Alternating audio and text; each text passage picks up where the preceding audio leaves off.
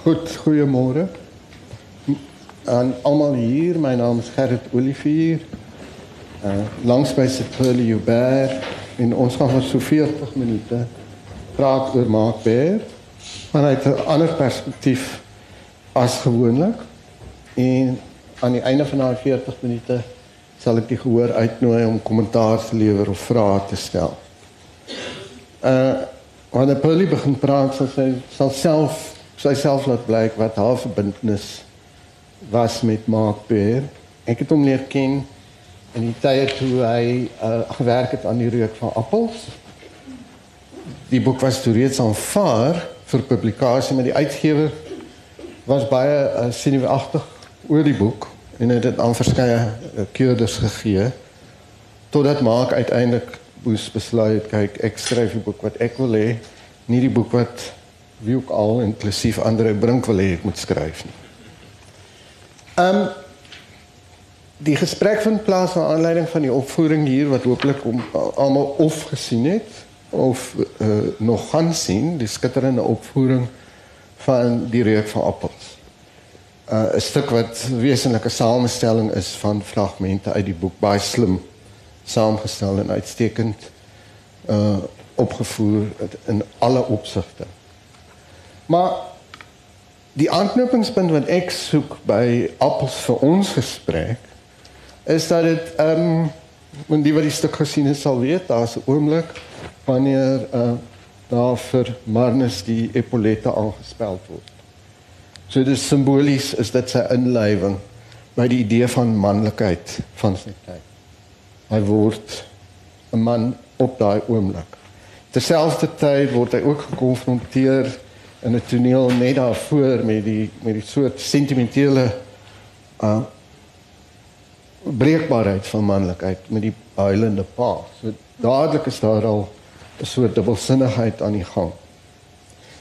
En ek het toe gaan kyk na wat verder gebeur in Appels. Ek wil net twee dinge noem wat ek dink van belang is vir ons gesprek. En dit is dat daar later in die boek 'n suggestie is dat Marnus nie heeltemal die held geword het wat hy moes wees nie. En dit is wanneer die seksie leier daar in op die grens ons sê maar um, hoekom het luitenant aanhou hardloop? Het luitenant my nie hoor roep nie. En Marnus draai net sy kop weg en raak aan die slaap. En dan iets wat later in die heel laaste fragment oor wat daar aan die aan die grens gebeur is, daar iets wat deur manne se gedagtes gaan en, en dit luister is vol die dood bring sy eie vryheid en dis oor die wat bly lewe wat die dooies moet treur want in die lewe is daar geen ontvlugting uit die geskiedenis nie. Ek dink dit is baie potente woorde as 'n inleiding tot ons gesprek. Deel van Marx se geskiedenis het hier afgespeel op Stellenbosch. Ons gaan juis ek en Mark se suster later vanoggend sy dokumente bring na die dokumente sentrum in die biblioteek hier. Dit was sy inlywing in 'n ander wêreld. Dit is ook die plek waar hy sy verraad gepleeg het, waar hy studenteleier was, maar ook 'n informant vir die veiligheidspolisie. En daardie stuk van sy geskiedenis, soos dit nou weet in die reuk van appels, is iets waaroor hy nog sou skryf. In November 2015 het ek in my agtertuin saam met Mark 'n glas wyn gedrink en op 'n Vrydagmiddag en ons het onder andere gepraat oor die memoir wat hy gaan skryf oor sy eie lewe. En sy intensie om as dit ware 'n soort afsluiting of 'n sluiting in daardie boek bereik. Die boek is nooit geskryf nie. 12 uur later was was hy dood. En na sy dood het Pearly sekere verdere snuffelwerk gedoen. En ek gaan nou vir Pearly uitnooi om daaroor te praat, oor haar vriendskap met Mark, haar ervaring met Mark en wat ons kon uitvind, wat Pearly kon uitvind oor wat eintlik gebeur het in daardie tyd toe hy 'n student was op Stellenbosch. Paulie? Um, ek is baie sleg met voor mense praat, so ek gaan net so skalks hier sit. Um net nou maak voor maak dood is ek ek sal later terug flits na toe ons jonk was in Chesterfields gerook het. Maar net na maak dood is het um ek sy handler gaan soek. Die veiligheidspolisieman want ons het altyd gedink maak dit in die laaste jaar was so 'n groep van ons Leslie en Annelise en Ekke en Rudolf het baie gepraat oor hierdie dit is nie regtig 'n albatros nie maar hierdie renosters hierdie dooie renosters wat hang aan hom van 'n spy wees. Ek dink maak vir half dit openlik dat almal weet presies wat het hy gedoen, wat het hy nie gedoen nie. En deel van daai proses was om van sy van die verslag wat hy vir die veiligheidspolisie geskryf het te kry. En een van sy studente het toe 'n paar van sy verslae gekry. En dit was ek het dit eers gekry na sy dood. Hy het dit eers gekry. Ek dink nie eers 4, 5 dae voor hy dood is nie. Dit was baie kort. Ja, dit was Ek dink dit was in die week voor hy dood is. Ja, Dat hy het- die verslag kry. Ja, nou en dit was net 3. En maak dit altyd uh, toe hy gepraat, nou hy uh, gesê het hy was 'n spioen vir die veiligheidspolisie. Het hy altyd ek het altyd gewonder maar hoe die fok wat waar het jy ge, het jy gesê wie ons boyfriends was of wat ons gesê het in meetings, jy weet wat hoe spy jy op jou vriende? Want daar was maar net 3 en 'n half lefties op hierdie kampus. Um ek dink daar's nou net 1 en 'n half. anyway, ons kry dit die drie verslae. Maak se student Madeleine Fullard wat vir jare gewerk het vir die missing persons by die National Prosecuting Authority het gekry het rondgekruip in die argiewe wat ek net nie dink sy mag gedoen het nie. So moet asseblief skryf daaroor nie. En ek lees dit toe en ek het dit vir les gegee. En dit was profoundly banaal. dit was regtig soos 'n staatsleer 101 opstel. Dit was boring. Dit was dit was nie sexy nie, dit was nie riveting nie, dit was so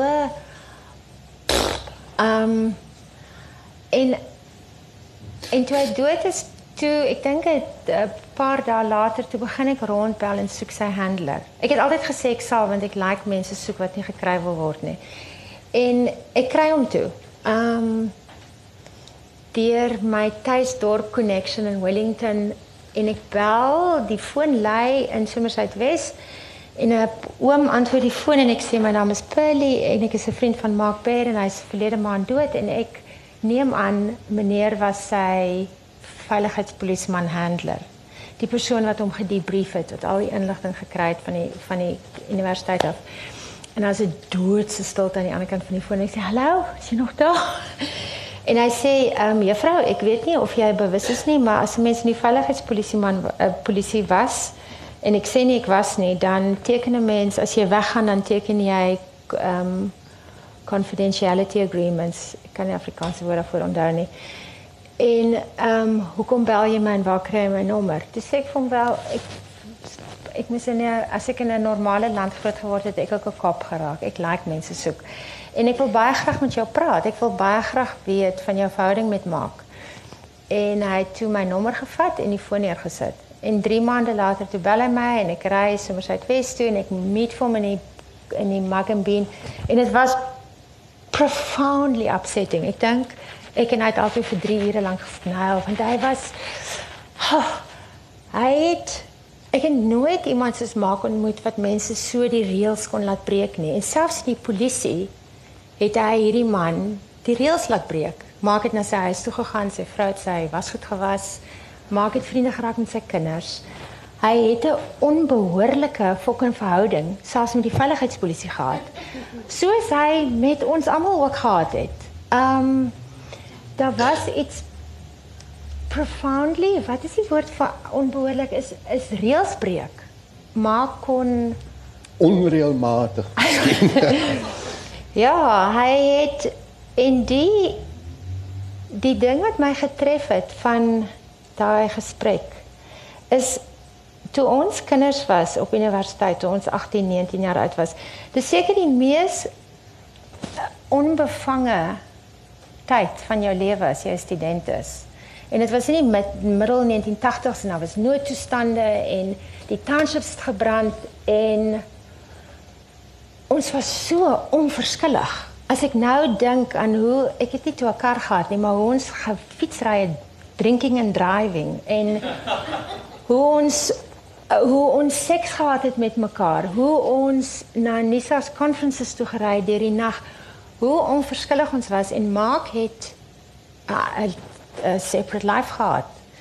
Hy moes 'n life gehad het waar hy profound leiersels moes hou en waar hy moes gaan om verslae te gee vir die veiligheidspolisie. En hy het hierdie double life gehad waarvan ek geen geen kennis gedra het nie en wat so swaar moes wees vir 'n kind want dit is wat ons was dit is wat jy is as jy 19 jaar oud is of in jou vroeë 20's. Ehm um, en dit het my 'n verskriklike empatie gegee, nie vir 'n ou vriend van my nie, maar vir iemand wat as 'n gay man groot word in die 1970s in Suid-Afrika. En altyd secrets moes hê van sy van sy van sy ouers en van die plek waar hy groot geword het. En daai vulnerability van hom het vir die polisie die die houvas gegee op hom om hom universiteit te stuur en te sê as jy sin toe wil gaan, dan moet jy X Y en Z vir ons doen. En ek het vir die eerste keer besef daar is geen manier vir my om 'n moral judgment daaroor te hê nie. Ek het vir jare vir 12 jaar, 10 jaar nie met Mark gepraat nie want ek was want ek was baie kwaad vir hom en ek was bang hy gaan my charm in forgiveness in. Um en ek wou vashou aan daai baie baie fucking siek morele perkie waarop ek myself gesit het my hele lewe lank en ek was so fucking bang hy gaan my charm daaruit want dit is wat hy gedoen het. Hy was hy het maak dit vir mense reëls laat breek, selfs jou eie selfs jou eie so van ek sal nooit kan morally regverdig wat hy gedoen het nie, maar ek het 'n ek het 'n understanding daarvoor want ons lewe in 'n land waar ek dink elke tweede mens is 'n perpetrator. Elke tweede man is statistically. Um het ek nou genoeg gepraat? Uh, nee, maar ek ek ek wil graag inkom en en uh, is, is, uh, uh, vraag formuleer. Um terug net vinnig na die reuk van appels.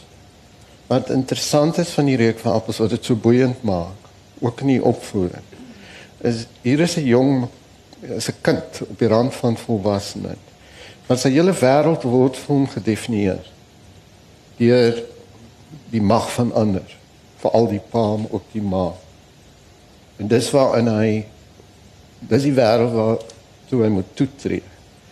En ek dink vanaf die reuk van appels, was deur maak sy hele oeuvre, is dit die groot kwessie wat hy op verskillende maniere aanspreek. Is dit hoe wat is die verhouding tussen jouself en die wat mag het?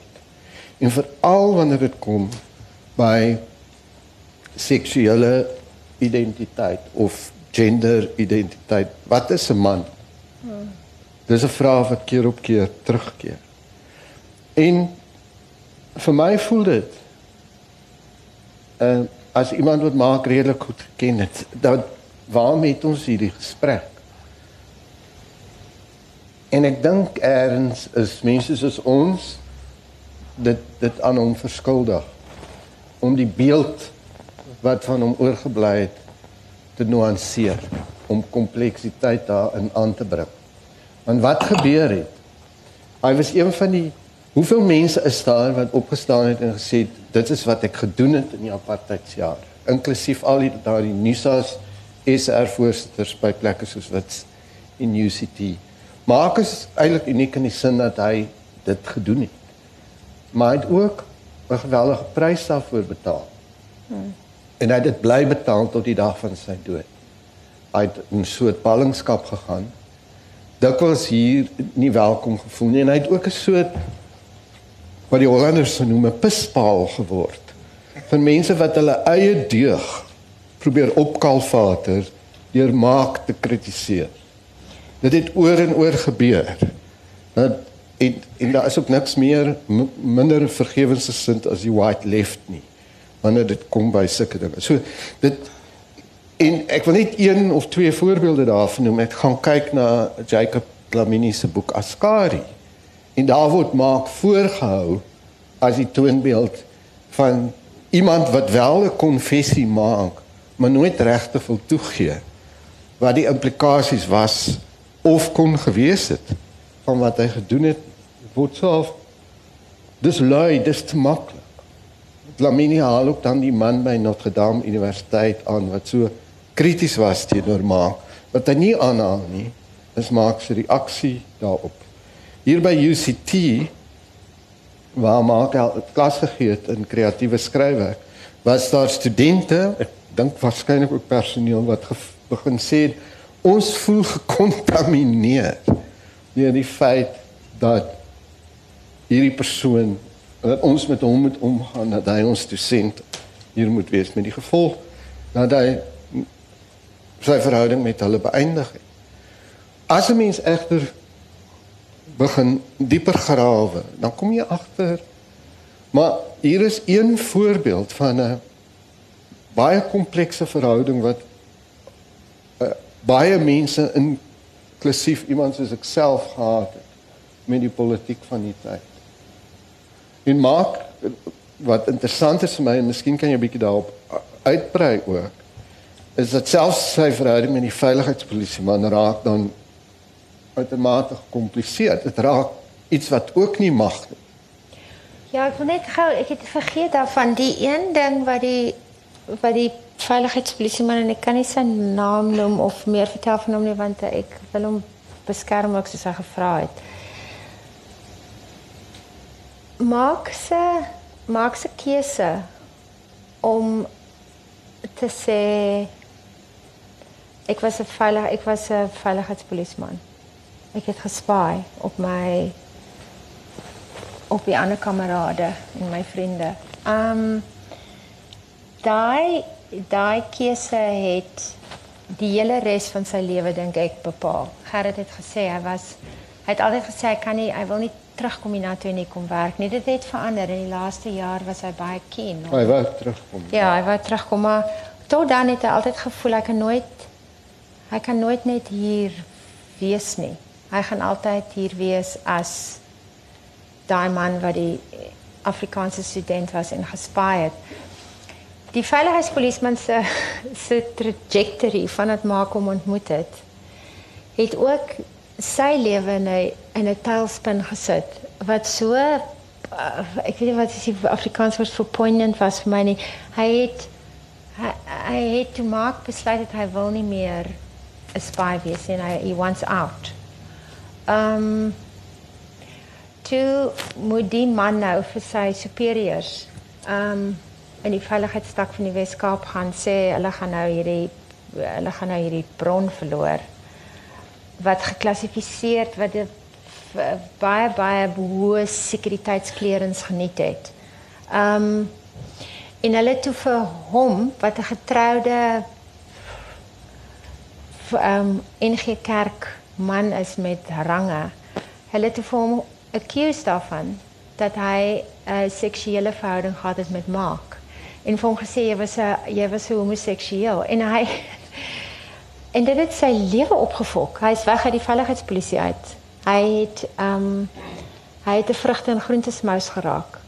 Um dit het dit is daai verhouding, daai verhouding tussen die spy en die handler het sy hele lewe ook verander. Tussen Mark spesifiek wat wat extraordinary was en Mark kon nooit hy kon nooit net 'n gay man hier wees in hierdie land nie. Hy sou altyd die spy gewees het.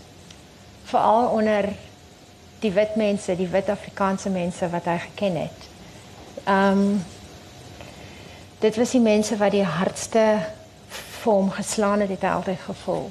Um en ek dink dis hoekom hy vir hoeveel jaar in Amerika gewoon het.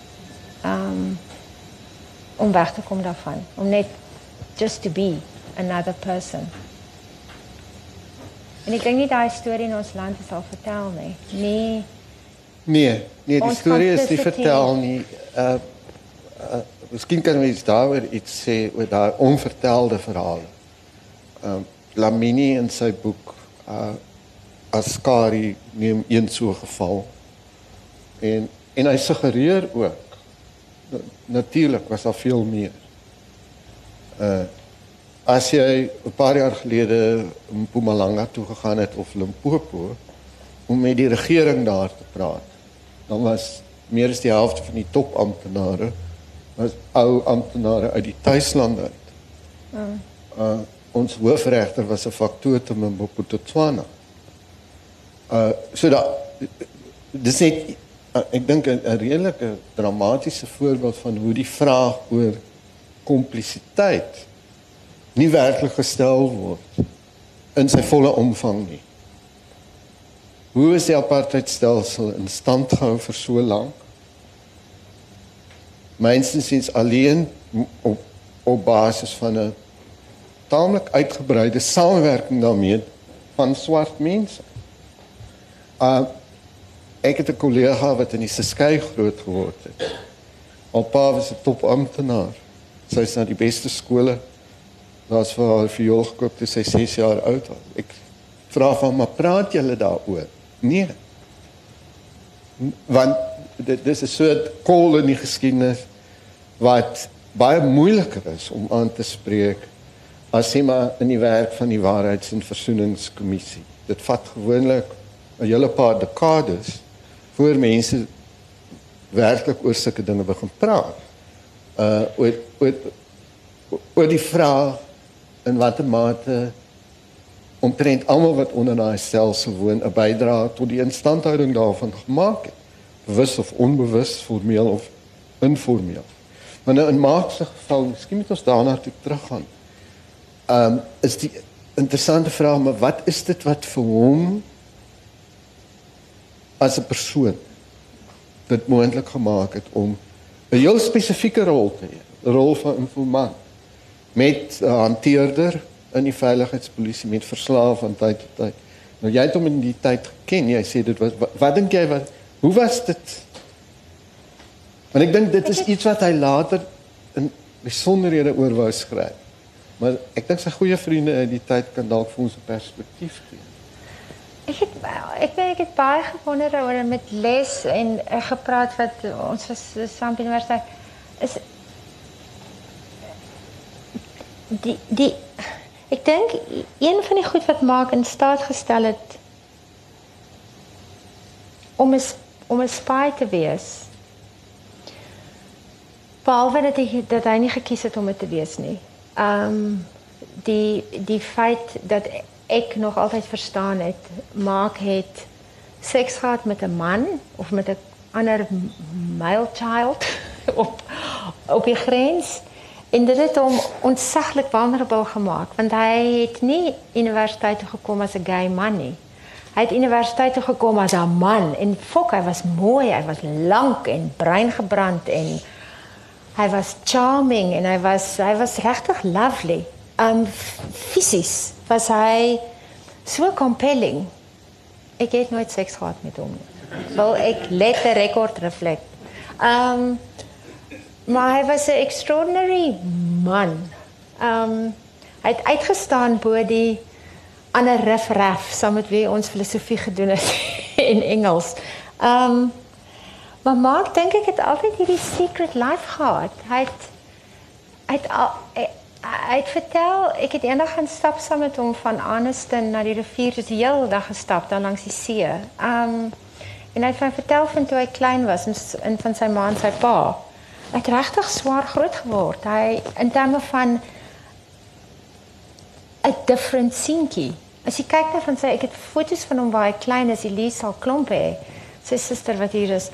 Hy het opgedres en jy kan sien die kind het was 'n fucking performer van hy so groot was. Um en ek dink dit moes en ek het altyd verstaan van hom. Sy pa wou gehad het hy moet rugby speel en hy moet army toe gaan en hy moet die epaulette dra soos meeste Afrikaanse kinders in daai jare, daar was 'n pad vir jou wat jy moes loop. Ehm um, en Mark was nie daai kind nie. En ek dink hy het van kleins af kon hy 'n klomp kon hy klomp balle juggle wat baie verskil wat toe hy dood is, was ek verstom oor die groepe mense oor die wêreld wat vir hom gemoon het. Gedink, Here, wie's die mense? En hy het intense verhoudings met hulle gehad. Proper reël verhoudings het hulle gesien, hulle het vir hom gesien, hulle het goed gedeel. Ek het in my lewe nog nooit van hom gehoor nie. en ek het gedink ek ken hom en ek het gedink as ons almal daar langs sy hy het nie 'n graf gehad nie, maar as ons almal daar bymekaar is, gaan ek meeste van die mense ken wat by sy memorial was en, en ek het meeste van hulle nie geken ek het nog nooit van hulle gehoor nie. En wat my ook getref het is in Amerika die mense wat die groot gat wat maak gelos het in die outsiders lewe. Die die die student met die met die afgeskeurde hare wat 30 kg oorgewig is en kak swart klere dra. Die outsiders in elke in elke plek waar hy gekom het in sy in sy lewe was outsiders was daai mense wat nie inpas nie en hy het ek dink hy het 'n amazing vermoë gehad om vir daai mense 'n stage te gee en vir hulle gesien te laat voel. Um, ek neem aan dis hoekom ek ook vriende geraak met hom. Ek was nooit ja, al van nie. Ja. ek dink net ook op grond van wat jy sê die die situasie van deel word van 'n veiligheidsstelsel aan 'n informant word. Moet 'n mens lees as dit dis dit gee sekere toegang. Dit maak ook deure vir jou. Dit dit gee aan jou posisie wat jy andersins glad nie sou gehad nie. Ek dink dis 'n aspek daarvan, net een aspek daarvan. En terwyl jy hier praat, sit ek weer en dink aan Marnus in die reuk van appel. Wat hmm. eintlik 'n soort miniatuur jonger weergawe van dieself is. En daardie self, die later maak het oorleef deur nooit vasgevang te word in een situasie of in een enkele identiteit. Deel van die verleiding of van maat die verleier was daardie soort vermoë om oor allerlei grense heen vriendskappe van intieme aard en noue aard met mense te onderhou. So word dit moontlik dat hy sterf en ek was by toe hy dood is en wie bel my? Iemand vir wie se naam ek nog nie gehoor het nie uit Albuquerque. Wat sê ek? It's my best friend. In sy selfs herdenking van daar gereël. So daar's 'n soort kameleontiese ding van 'n nie vasgevang word want sodra jy vasgevang word in 'n enkele raamwerk word jy so maklik ook die die slagoffer daarvan. Maar dwarsteer dit alles, ek dink ook die attraksie wat maak gehad het, ek het self gesien met studente en miskien veral die die soort buitebeentjie, die die student wat nêrens inpas. Die ene wat ambivalent is wat gender betref. Die outsider tipe figuur. Hy het vir hulle teoreties en filosofies die moontlikheid geskep om te sê daar is vir jou 'n plek. Jy en jy moet net verstaan hoe werk die mag van die wêreld. Ja. Daai mag wat ons altyd van buite af definieer en wees jouself.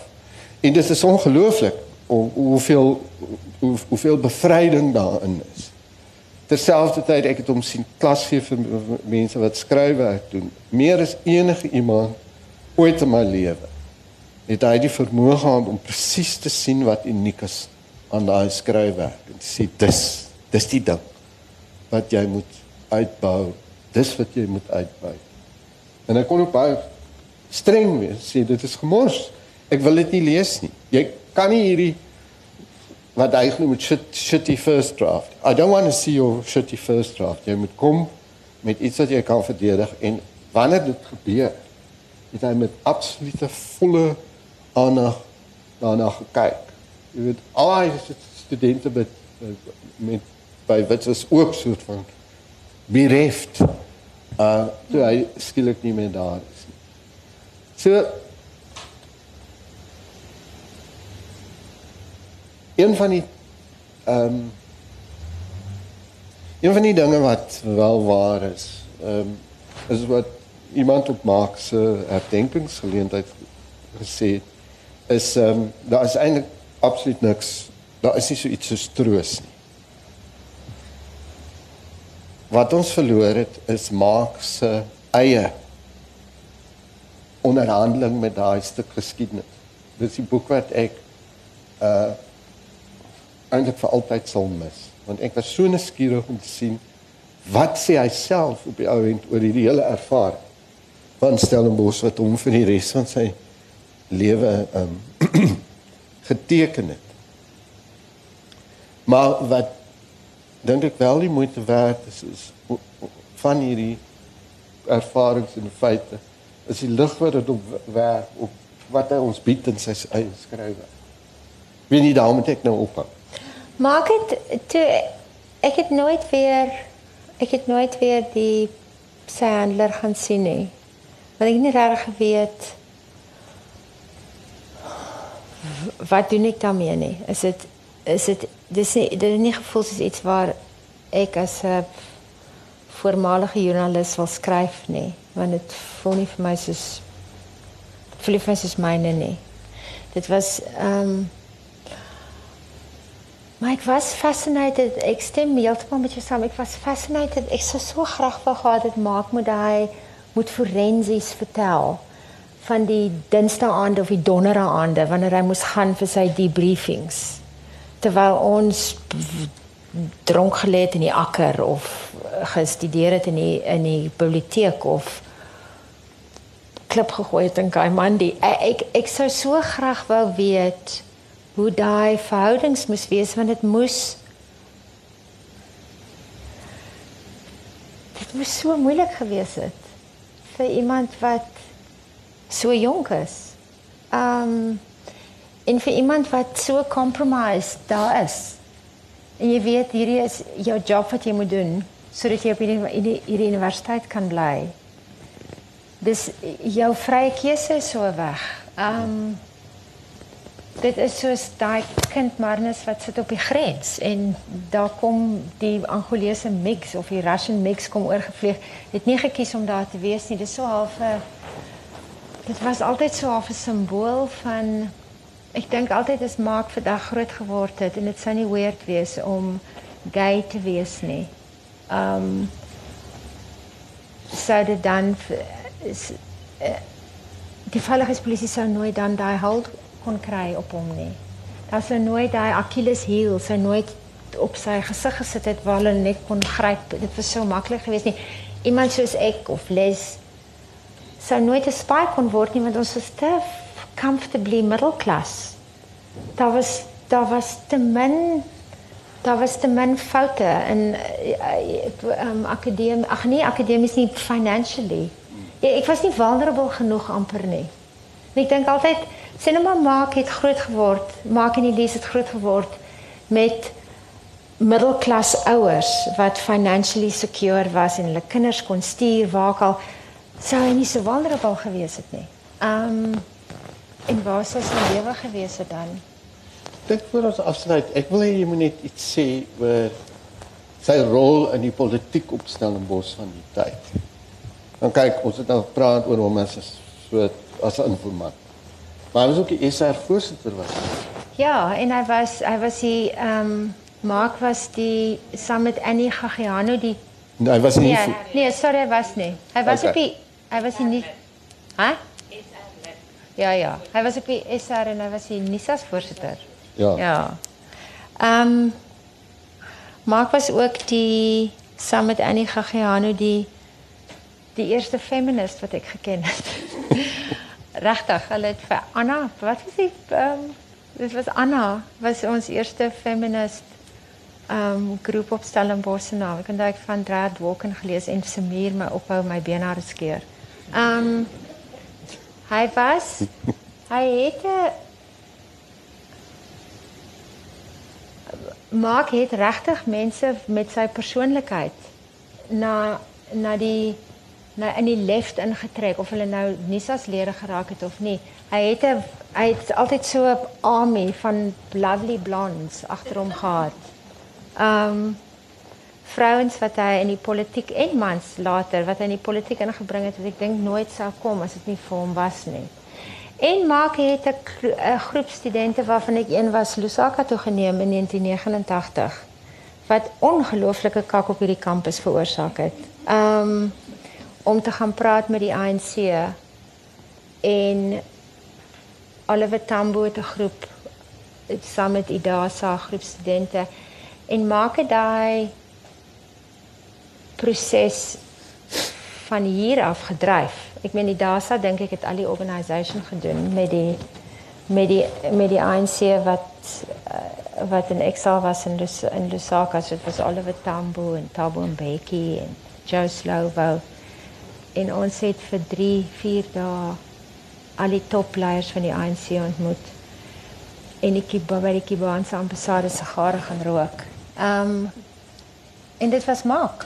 En ons was in Namibia toe die toe die aankondiging gemaak is dat die oorlog verby is en Swapo het vir die eerste keer teruggekeer in die groot die heel eerste rally wat Swapo in Namibia gehou is in Katatura buite Windhoek het maak vir ons na toe gevat.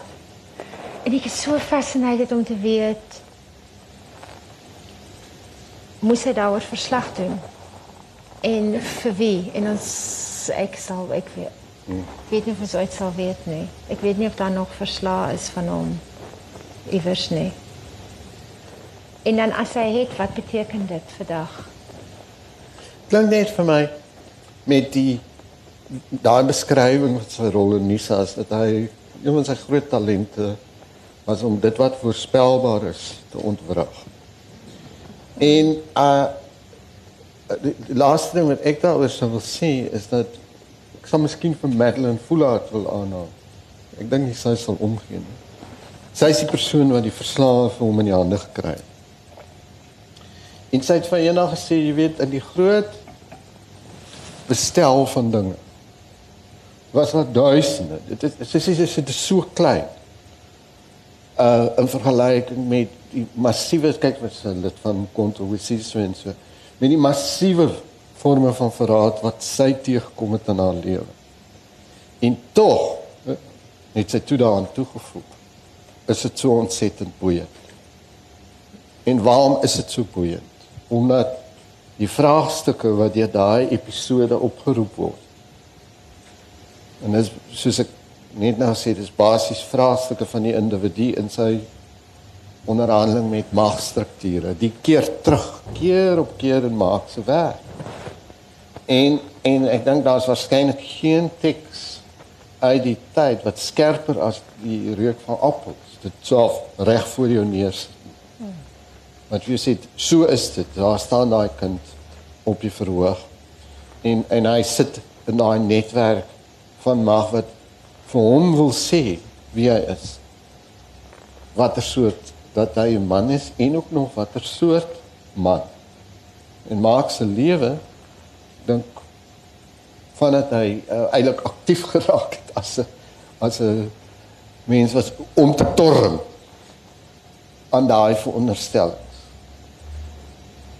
Ja, ek ek het nooit ek het nooit enige iemand as 'n as 'n as 'n 18 jaar oud ontmoet wat mens so kon konfronteer met jou eie vooronderstellings nie oor wie jy is oor jou eie seksualiteit ook. Ja. Hy het maak hy die heeltyd uh, uh, hy die heeltyd vir ons gekonfronteer en geterroriseer oor ja. hy het gesê Ah, oh, julle fucking breeders. Ja, net kinders sê. hy was, hy was genadeloos. Um en so en so exciting work. Mm. Daar was niemand in my lewe op universiteit wat vensters so oopgeskop het um om daai analogie te gebruik van die elementary slum classroom in 'n slum nie wat so gordyne oopgemaak het in in terme van wie jy is nie. Um, fok ek gaan dit vir die res van my lewe mis. Willie sal ons daar Ja. opbou en die gehoor vra of hulle iets sê dis hand hier voor meneer. Ek weet niks van Mark weer nie. Dit is 'n ge- geweldige interessante gesprek wat jy het. Ek net vir 'n vraag vra. Kan vir my 'n kort tuinraamwerk gee van wanneer was hy student en het hy vir die, vir die nasionale regering gespaai? Het hy vir hulle gespaai omdat hy afgepers was of het hy geglo? Want toe hy gedraai het en uitgekom het en gesê hy wil nie meer dit doen nie, toe gaan hy teen die regering. Ons het ek het vermaak ontmoet in 1986, jy moet nou vir my help les. In 1986. Toe Was toe was hy toe was hy sy tweede jaar. So hy was 1985 eerste jaar. En sover ek het reeds gespaai of nog sover ek vermaak verstaan het, het maak is maak die opportunity gegee deur die veiligheidspolisie om universiteit toe te kom. Is hy afgepers of het hy geglo dink? Hy maak was na skool. Correct me if I'm wrong. Na skool is hy army toe. Want hy moes army toe gaan. En die die ehm um, wat nee, 'n ordentlike taal. Die seks insident met die ehm um, met die ander met die, Seksueel verkeer. met die seksueel verkeer met met die ander man het gebeur terwyl hy in sy tweede jaar in die army was. Ehm um, en sover ek verstaan was was dit die en ek weet nie of Mark self die woord ooit afpers sou gebruik het nie. Maar daai gesprek gebeur na dit wat sê Jy sy kop gehou.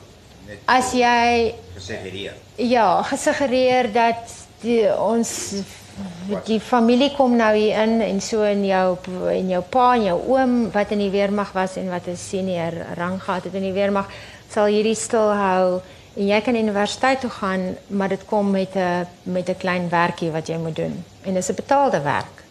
Ehm um, Het hy besef wat hy doen letterlik jy? dit is dit is Moeilik. Kan ek Nee, wel- ek ek het 'n vermoede. Uh, uh, uh, uh, opinie oor waar. Jy sien die- d- dis hoekom dit so jammer is dat Maat nooit by daai memoir uitgekom het nie want mens kan jouself in probeer verplaas in daai situasie. Hier word iemand 'n enorme geleentheid gebied.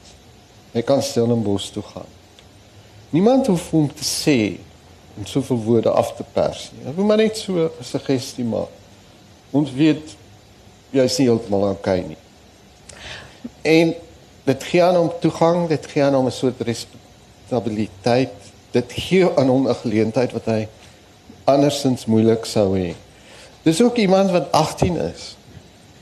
En dis dan ongeveer op die tyd wat jy beginne jou eie sekerhede wat jy, wat dit ook al mag beteken, dit begin wankel. En ek dink die drama is 'n drama, die drama van sy eie lewe is 'n drama van daai twee dinge met mekaar in in konflik. Onthou hy het besluit hy wil dit nie meer doen nie, nee. Maar ek dink toe maak hier aangekom het, het hy baie properly in daai rol ingepas. Hy vanaf kom. Daai kind wat Ami toe gegaan het wat lovely gelyk het in sy wit uniform van die vloot. Um en rang gehad het. Hy was nie 'n nee hy was nie net 'n pleb nie. Hy het ge-excel waar hy was in die weermag. En hy was hy was hy het in die Drakensberg se kinderkoor gesing. Jy weet hy het, hy het so elke boks getik van 'n goeie Christelik nasionale wit kind in in die 1970s en die 1980s. Daar was nie daar was nie averegsheid wa, waarmee hy aangekom het op universiteit nie. Iemand soos as jy ek het foto's, ek het dit gebring, ek is jammer ek het nie 'n adapter gebring nie, anders kon ek dit vir julle wys. Maar byvoorbeeld Mark se girlfriends, Elsa, jy moet my vergewe, was sulke lovely blonde b- mense. Dit was nie hierdie ongeskeurde benare tipes van Wellington en die Parel soos Leslie. nie. dit was hy het gehou van Dit smaak gehad. Hy fok. Hy het hy was 'n hy het nie aangekom as 'n as as iemand wat aangetrokke was. Dink ek. as iemand wat aangetrokke was tot tot die alternatief nie, polities ook nie. Um ek dink maak het Maar toe hy eers geswaai het, het hy toe in sy geglo en dis verkeerd. Kyk, hoe het hy hoe het, sê asseblief ja. Ja ja. Ja, kom ons vra vir Leslie wat hom ook goed geken het. Kom sit hier aan, steek vir die dingetjie aan. Ja, ek wil net kommentaar lewer op die politieke aspek. Hmm. Dit was my indruk dat binne die eerste jaar het hy besef dat hy homself aan die verkeerde kant van die argument bevind. Ehm um, hy het ehm um, uh, en ek dink dat binne die eerste jaar het hy waarskynlik sy handler begin handel. Ehm um, die uh, dit is wat hy gesê het in uh is hier die rapport wat uitgekom het. Hy het staat filosofiese argumente wat dit rapport die ander rapport wat mense sien van five is mense se spasplekke, afwerkpunte, idees en grimstap. Maar wat die leierskapsvlak is voor nasionale partye pad vir dit politieke analise. Hmm. En as 'n persoon wat vir meeste van ons universiteitslewe saam nou polities saam met ons werk.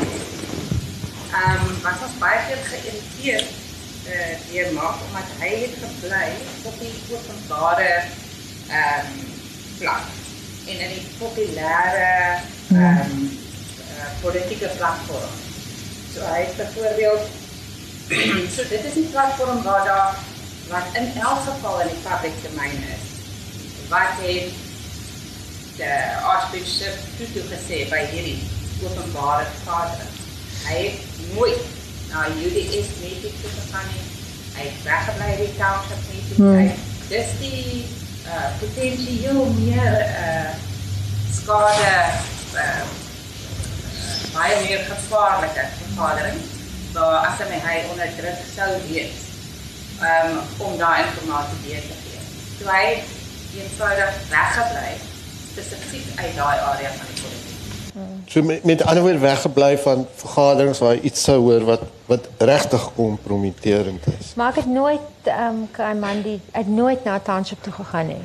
Nooit nie. Hy het altyd maak se politieke se politieke rol was baie hy het, hy het altyd vir ons uitgekak om ordentlik aan te trek, om mooi te praat, om mooi te sit, om te engage op 'n op 'n publieke plek met hy was nooit deel van 'n van 'n kokes nie. Ek natuurlik in retrospek soos Leslie sê, kan 'n mens dink dis omdat hy nie daai hy wou nooit voel hy moet daai inligting gee nie, maar dit kan 'n mens net raai.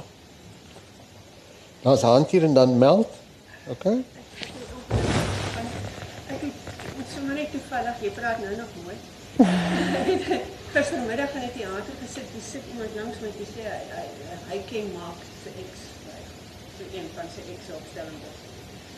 Ek was ook te doen met die weermag en ek het Mark weer keer ontmoet en hy was fantasties en ek was ja, en sy boek is 'n blond sien jy. sy boek het my booskoop geskop. Ek het die boek gelees en Kan jy bietjie harder probeer praat anders moet ons kyk of daar nie mikrofoon is. Daar's mense agter wat sê hulle kan nie hoor nie. Ek dink die wat praat moet opstaan. Dit is nou bietjie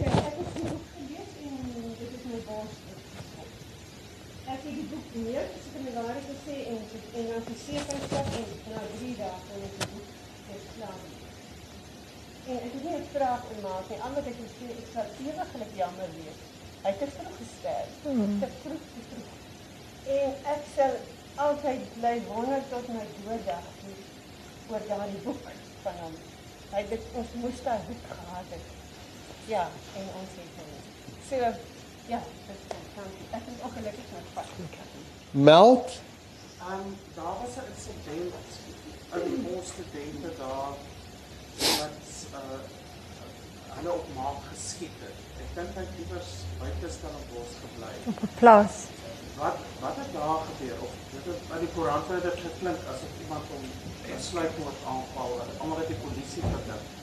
Weet julle wat wat eintlik die situasie was? Was dit 'n fake news event of wat? Dit is. Weet julle Dit was 'n fake news event. Dit was Fok, dit was seker, dit was singular singular die rede hoekom ek vir 10 jaar nie met Mark wou praat nie. Mark het gewoon op 'n plaas buite Stellenbosch spier se kant toe uit, sover ek onthou.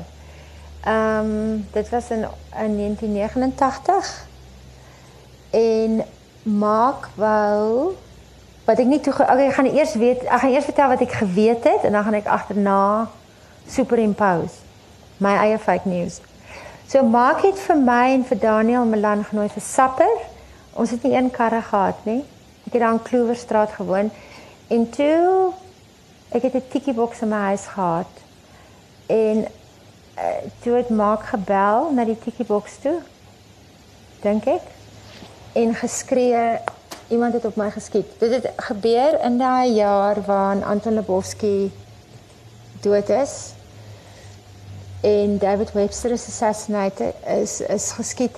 So dit was dit was so fucking real. Dit was so nie ver verwyderd van uh, van 'n mens se kop dat selfs wit mense ges word geskiet nie. En toe het uh, ons by ek te, iemand het verlies of Figart in die hande kon kry en sy het 'n kar gehad. Kon nie verlies in die hande kry nie. Sy het ook 'n kar gehad. En ons het gery na die plaas toe en Mark het op die grond uh, gelê en hy het die deur oopgemaak en daar was koelgate in die kas bo sy studeerkamer. Um en die volgende paar dae het ons beter gemaak om by hom te bly en um en Marcus toe van die kampus af kort daarna. Um hy sover ek weet het ou bos toe gegaan en um gebly in Liesel se huis en hy is toe weg. Ek ek ek, ek, ek kon hom dit nie fucking vergewe dat hy dat dit geplan was nie. Um So was dit. Dit was 'n beplande So sover lees moet vir my help. Sover ek weet agterna wat daar gebeur het is Mark het so dit was post ons Lusaka trip. Waar Mark ehm um, met Barbara Masekela gepraat het en toe teruggegaan het Zambië toe en gaan sê het ek was 'n spy gewees.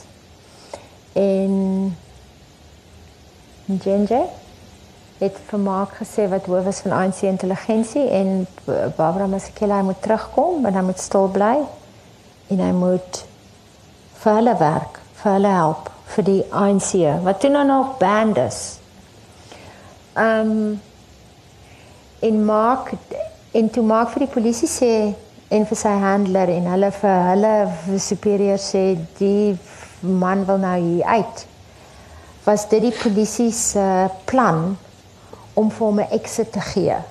Dit raak nou te warm vir hom op universiteit en daarom kan hy jy weet hulle dit, dit was die sover ek weet was dit die polisie se manier om vir maak 'n deur oop te maak om van die universiteit af pad te gee. En hulle het nou geskiet op maak. Maar ek het nie hy het nie gedink hulle het as uitgeweet hulle gaan skiet op hom en dit was hulle plan om van hom ontslae te raak. I fucking couldn't forgive him that. Um dit is my verskriklik. Al die alles anders. Hoe hy begin spy het, wie wat, al daai kon ek I could wrap my head around it. Maar daai aand kon ek ek kon, ek kon nie. Um my baie baie lank gevat. Is ek reg? Ja.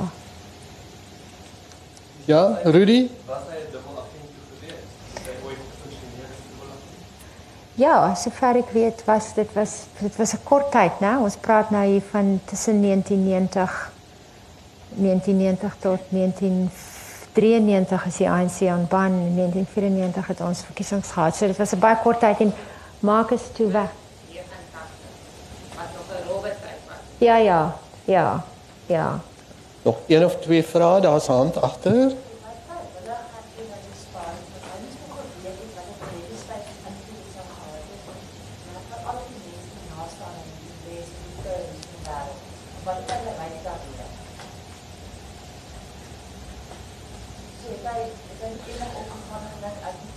Ek gaan ek gaan ek ek kan nie daai vraag beantwoord nie, maar ek wil die fokus 'n bietjie verskuif. En dit is dan miskien 'n antwoord. Die maak wat ek ontmoet het. Ek was glad nie deel van hierdie doenighede op Stellenbosch nie. Die maak wat ek ontmoet het in die vroeë jare 90 het besluit hy wil 'n skrywer word. En uh, met ander woorde, hy het besluit die rol wat ek vir myself sien, die die belangrikste ding in my lewe is om hierdie al hierdie dinge te probeer verstaan.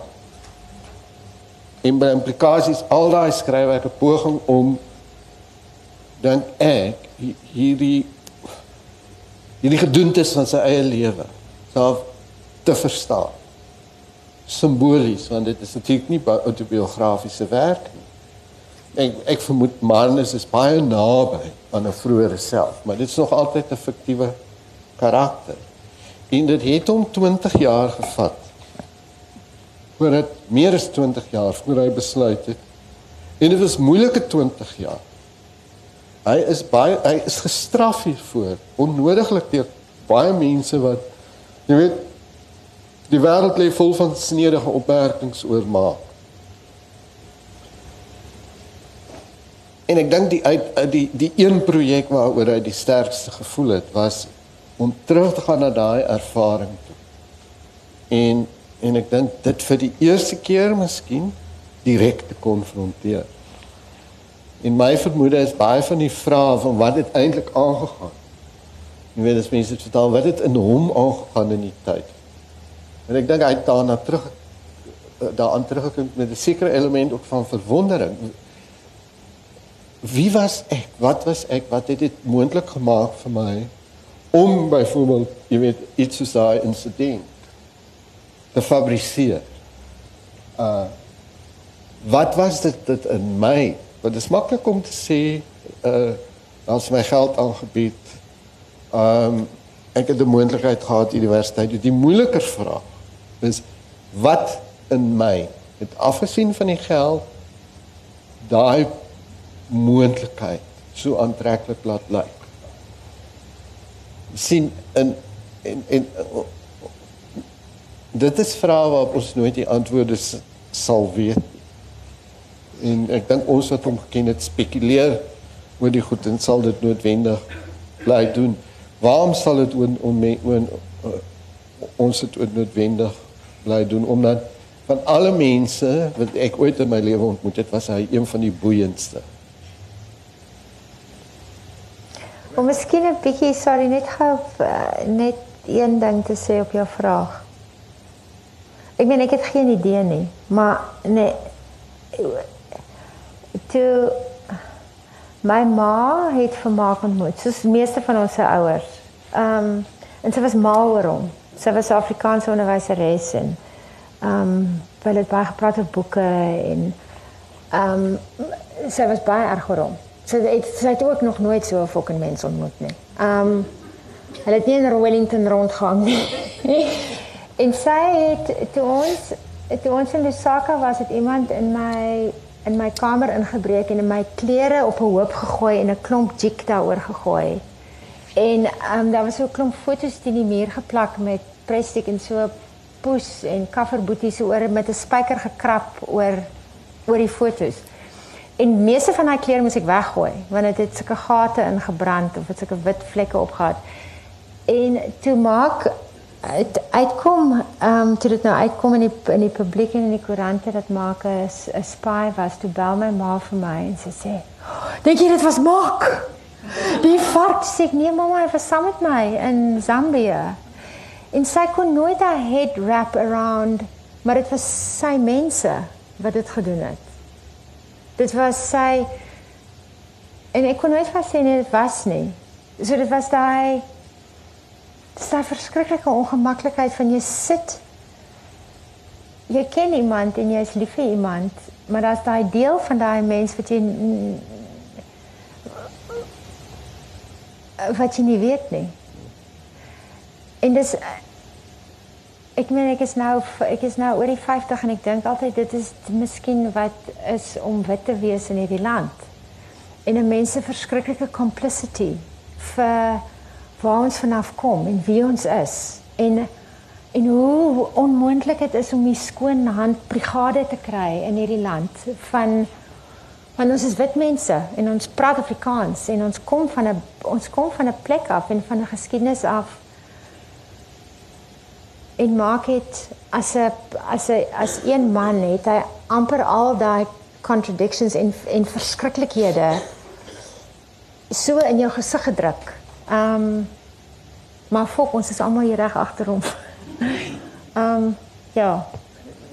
Uh, nee, ons uh, jammer meneer, maar dit kan nie meer nie. Ons ons moet ophou. Uh want daar's 'n volgende O, oh, sorry. okasie wat aan die aan die kom is. Ja, ons moet ophou. Nee. So ek dit spyt my, ek, ek is seker daar is nog vrae, maar Miskien kan jy na die tyd 'n bietjie vir vir uh, vir, vir baie dankie vir u aandag. Dit was 'n plesier geweest.